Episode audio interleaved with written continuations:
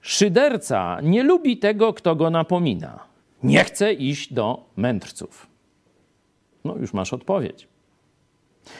Jeśli nie chcesz prawdy, prawda jest zwykle trudna, prawda jest wymagająca, prawda chce zmiany, prawda zmusza cię do wysiłku. No, wszystko to nie są przyjemne rzeczy.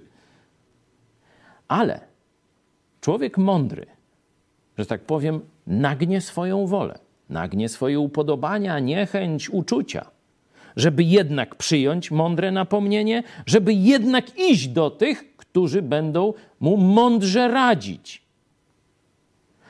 Ale jeśli ty uciekasz od napomnienia, jeśli nim gardzisz, jeśli nie chcesz wspólnoty z tymi, którzy mówią ci prawdę, nie chcesz ich słuchać, no to zobacz, że sam wystawiasz sobie świadectwo, ale nie tylko to.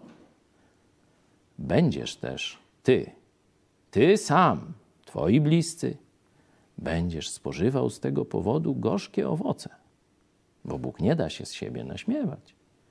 On dał swoją mądrość. Jeśli pójdziesz za nią, będziesz błogosławiony, czyli będziesz doświadczał szczęścia i dobrego owocu. Będziesz to odrzuca, odrzucał. Spożyjesz gorzki owoc.